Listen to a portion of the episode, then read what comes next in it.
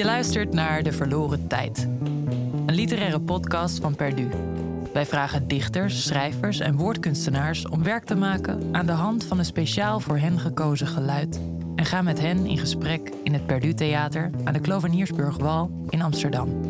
Iedere aflevering hoor je een nieuw literair audiowerk. Literatuur die niet op een pagina, maar in je oren past. En dan nu het geluid van deze aflevering. Um, um, um, um. Welkom bij deze aflevering van De Verloren Tijd. Mijn naam is Alma Abt en mijn gast vandaag is Samuel Friese. Welkom, Samuel. Hoi. Hoi. um, je bent dichter, muzikant en componist. En uh, we zijn vandaag hier om het te hebben over het werk dat je voor ons hebt gemaakt. Aan de hand van een fragment dat ik naar je heb toegestuurd. Toen ik dat naar je toestuurde, reageerde je heel snel op mijn mail met de woorden: Oh jee. en toen jij jouw werk naar mij stuurde, dacht ik ook: hmm, Oh jee. dus uh, denk ik altijd best een goed uitgangspunt. Um, de titel van het werk dat je hebt gemaakt is Treeing. Ja. En we gaan er zo naar luisteren. Is er iets dat je alvast wilt zeggen van tevoren tegen de luisteraars? Iets dat goed is om te weten voordat het opgezet wordt? Uh, ik zou zo snel niet iets kunnen bedenken. Mijn eigen ding om te zeggen tegen de luisteraars is dat het denk ik wel zinvol is om je koptelefoon op te zetten. Ja, dat is waar inderdaad. Ja. En ook wel iets waarbij het stereobeeld uh, goed overkomt of zo. Ja. En het is ook, ook verstandig om het niet te zacht te zetten, denk ik. Inderdaad, ja. Oké, okay, nou, laten we ernaar gaan luisteren. Um, um, um, um,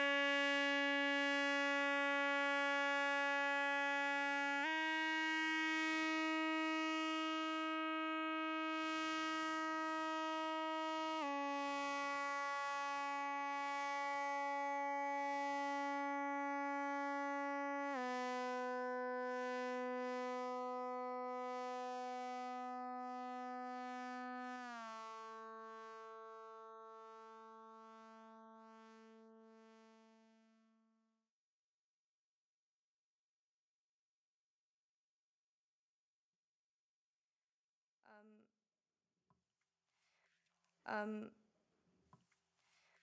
um,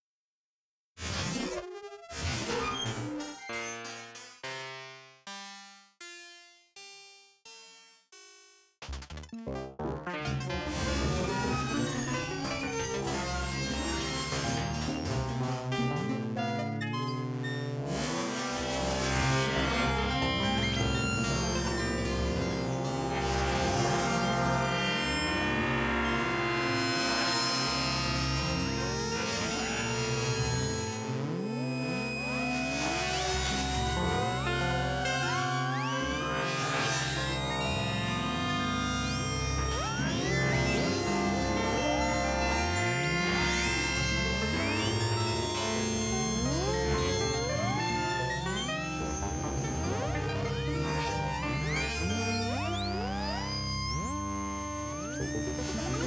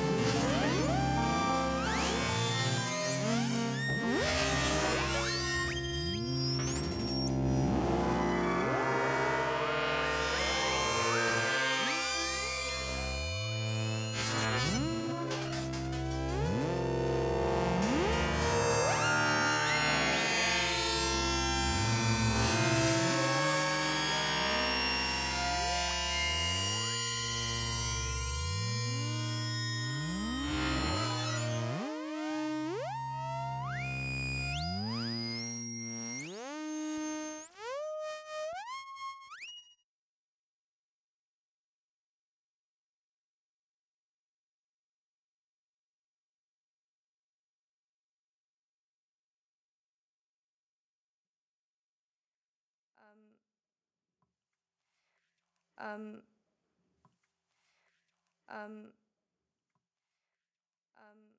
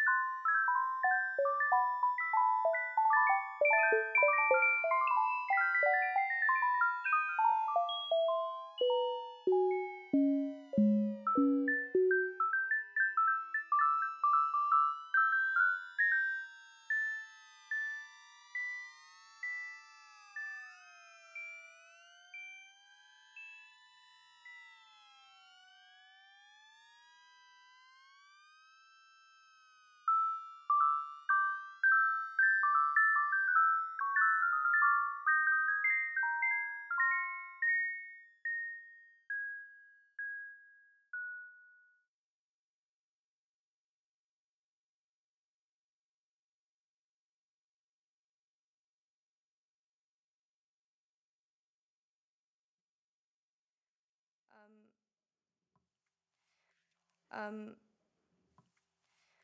um,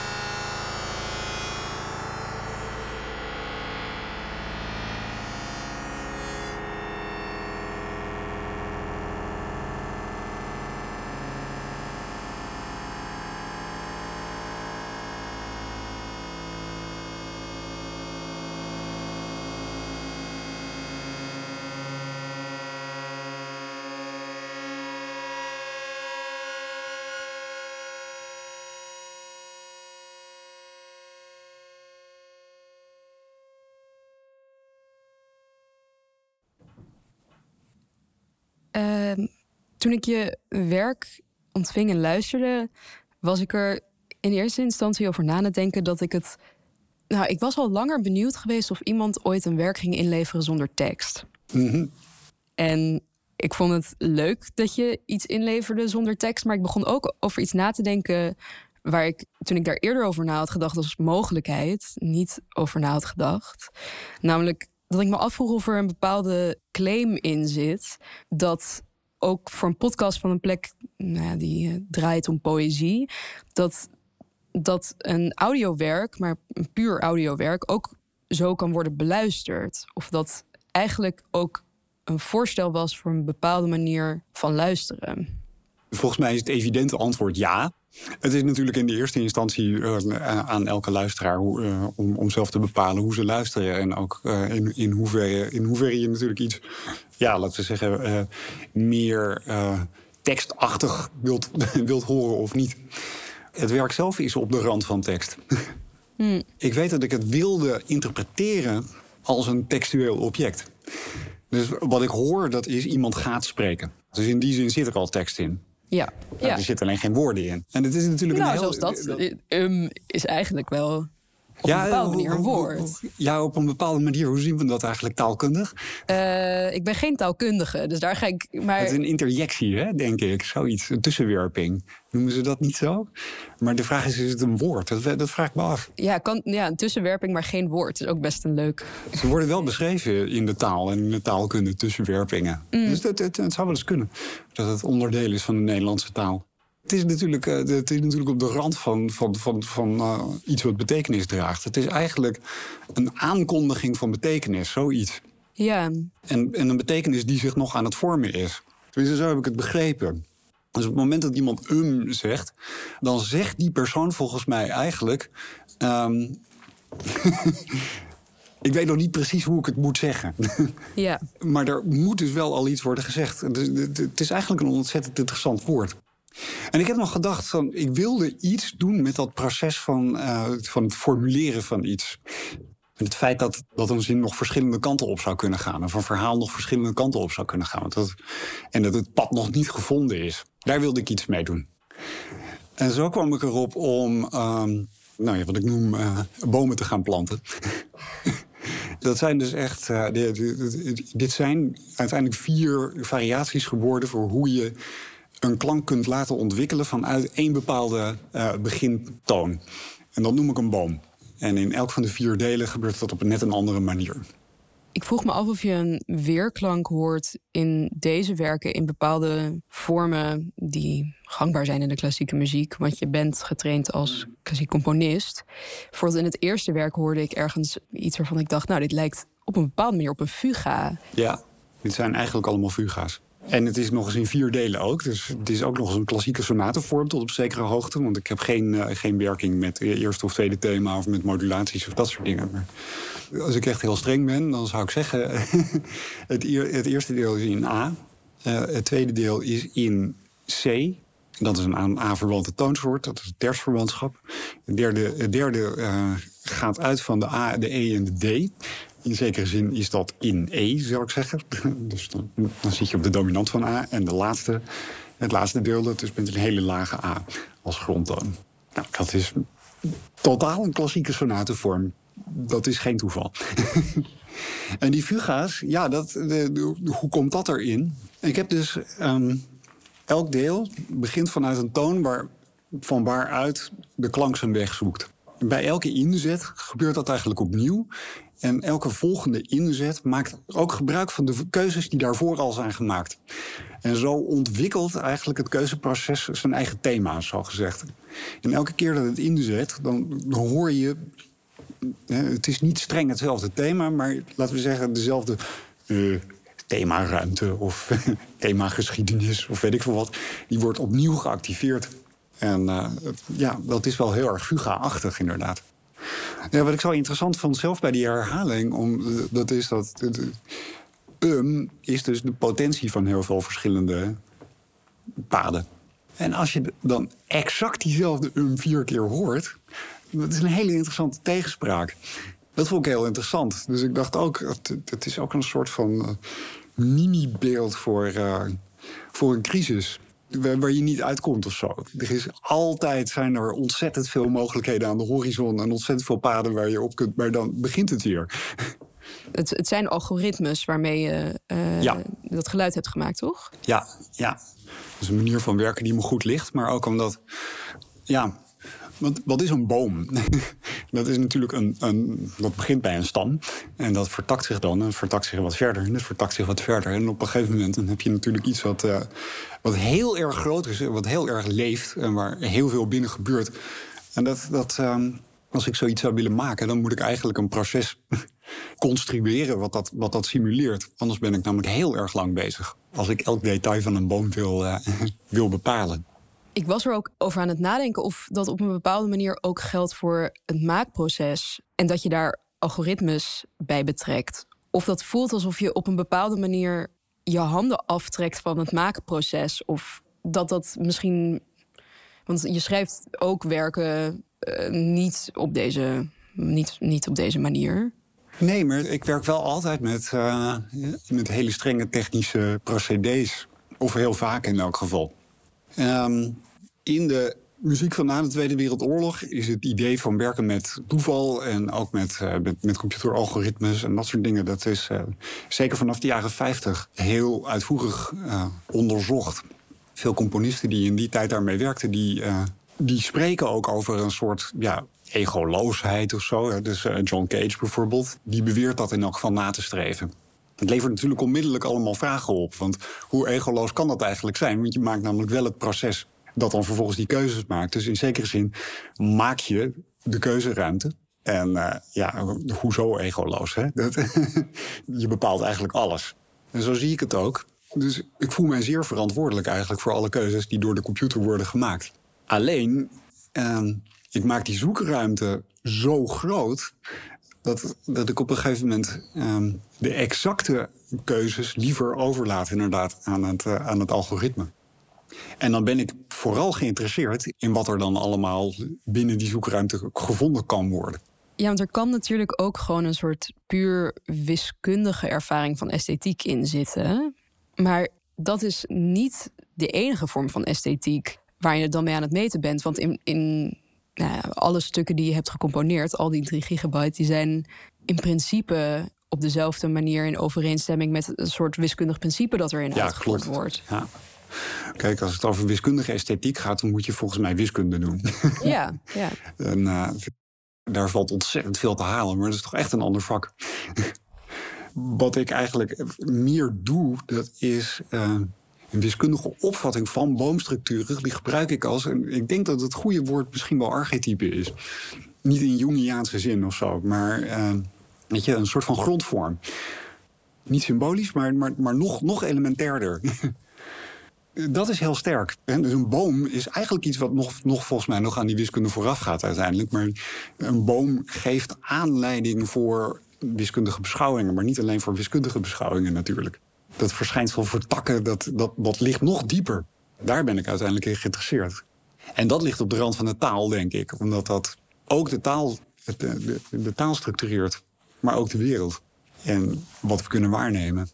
Ja, ik zit te denken aan van die semiotische bomen die, uh, die soms getekend kunnen worden van deze signifier is gelinkt aan die signifier en die en die en die. En dat je zo van oh, ja, ja. ketens en van die bomen kan tekenen. Ja. En dat het eigenlijk een heel structuralistische manier is van kijken naar allerlei fenomenen. Dat dit een tijd lang ook gewoon heel erg de methodiek was van de geesteswetenschappen. Dat je eigenlijk heel veel fenomenen in dat soort structuren ging, ging vervatten. Je lijkt ergens bijna te suggereren dat je ook dat je eigenlijk in dat opzicht wel een soort structuralist bent. Uh. Ja, tot op zekere hoogte. Want ik heb altijd het idee dat het probleem met die structuralisten was dat ze dan dachten dat ze op een gegeven moment misschien wel een structuur zouden hebben gevonden. Waar je het ook dan wel, wel te vangen was. Of zo. Ja, dat dan af was. ja. Nou ja, je hebt natuurlijk geen poststructuralisme zonder structuralisme. Maar die poststructuralistische kritiek die daar dus eigenlijk een beetje op parasiteert... maar dat vervolgens ook verder denkt... die wijst er dan volgens mij... Eh, tenminste, zo, zo, zo heb ik... Uh, zo lees ik het als ik bijvoorbeeld de leuzen lees of zo... over, over taalkundige structuur en verwijsketens of zo. die gaat dan wijzen op, op juist het onderliggende element van dat het nooit helemaal rond en helemaal af is. Maar dat wijst dan wel weer terug op iets wat, ehm, ja, wat, wat is zeg maar de structuur achter de structuur, om het zo maar te zeggen. Dus je kunt dus eh, je kunt, je kunt dingen vangen in boomstructuren, zeg maar. En dan, dan, dan denken dat je, het, dat je het gevangen hebt. En dan, je kunt natuurlijk daaronder een soort van theorie hebben van wat zijn boomstructuren in het algemeen. Maar ja, daar is er niet één van uiteindelijk. Net zoals in, in, in dit stuk wat ik nu voorleg. Uh, elk deel een, een, variant is op, op het andere. Dus die, al die bomen zijn varianten op andere bomen. Dus ja, is er eigenlijk wel een boom van alle bomen, zou gezegd. Bestaat, bestaat de oerplant? Ja, het archetype, te midden alle archetypes dan staat. Ik denk dus, ik vraag het me af. Ik, denk, ik zou zeggen, die oerplant die is er niet. Maar er is wel vertakking als archetype. Oké, ja, leuk. Dan ben ik blij dat ik het gevraagd heb. Dankjewel, Samuel, voor dit gesprek en voor het maken van dit prachtige en intrigerende werk. Ja, dankjewel voor eh, de opdracht. Erg leuk om eh, aan te werken. Heel graag gedaan. Veel dank ook aan eh, alle luisteraars. Dit was een podcast van Perdu, Centrum voor Poëzie en Experiment in Amsterdam. Heel graag tot de volgende verloren tijd. Dit was De Verloren Tijd, een podcast van Stichting Perdu, platform voor poëzie en experiment in Amsterdam. Bedankt voor het luisteren en tot de volgende Verloren Tijd. Deze podcast kwam tot stand met steun van het Amsterdams Fonds voor de Kunst en het Nederlands Letterenfonds.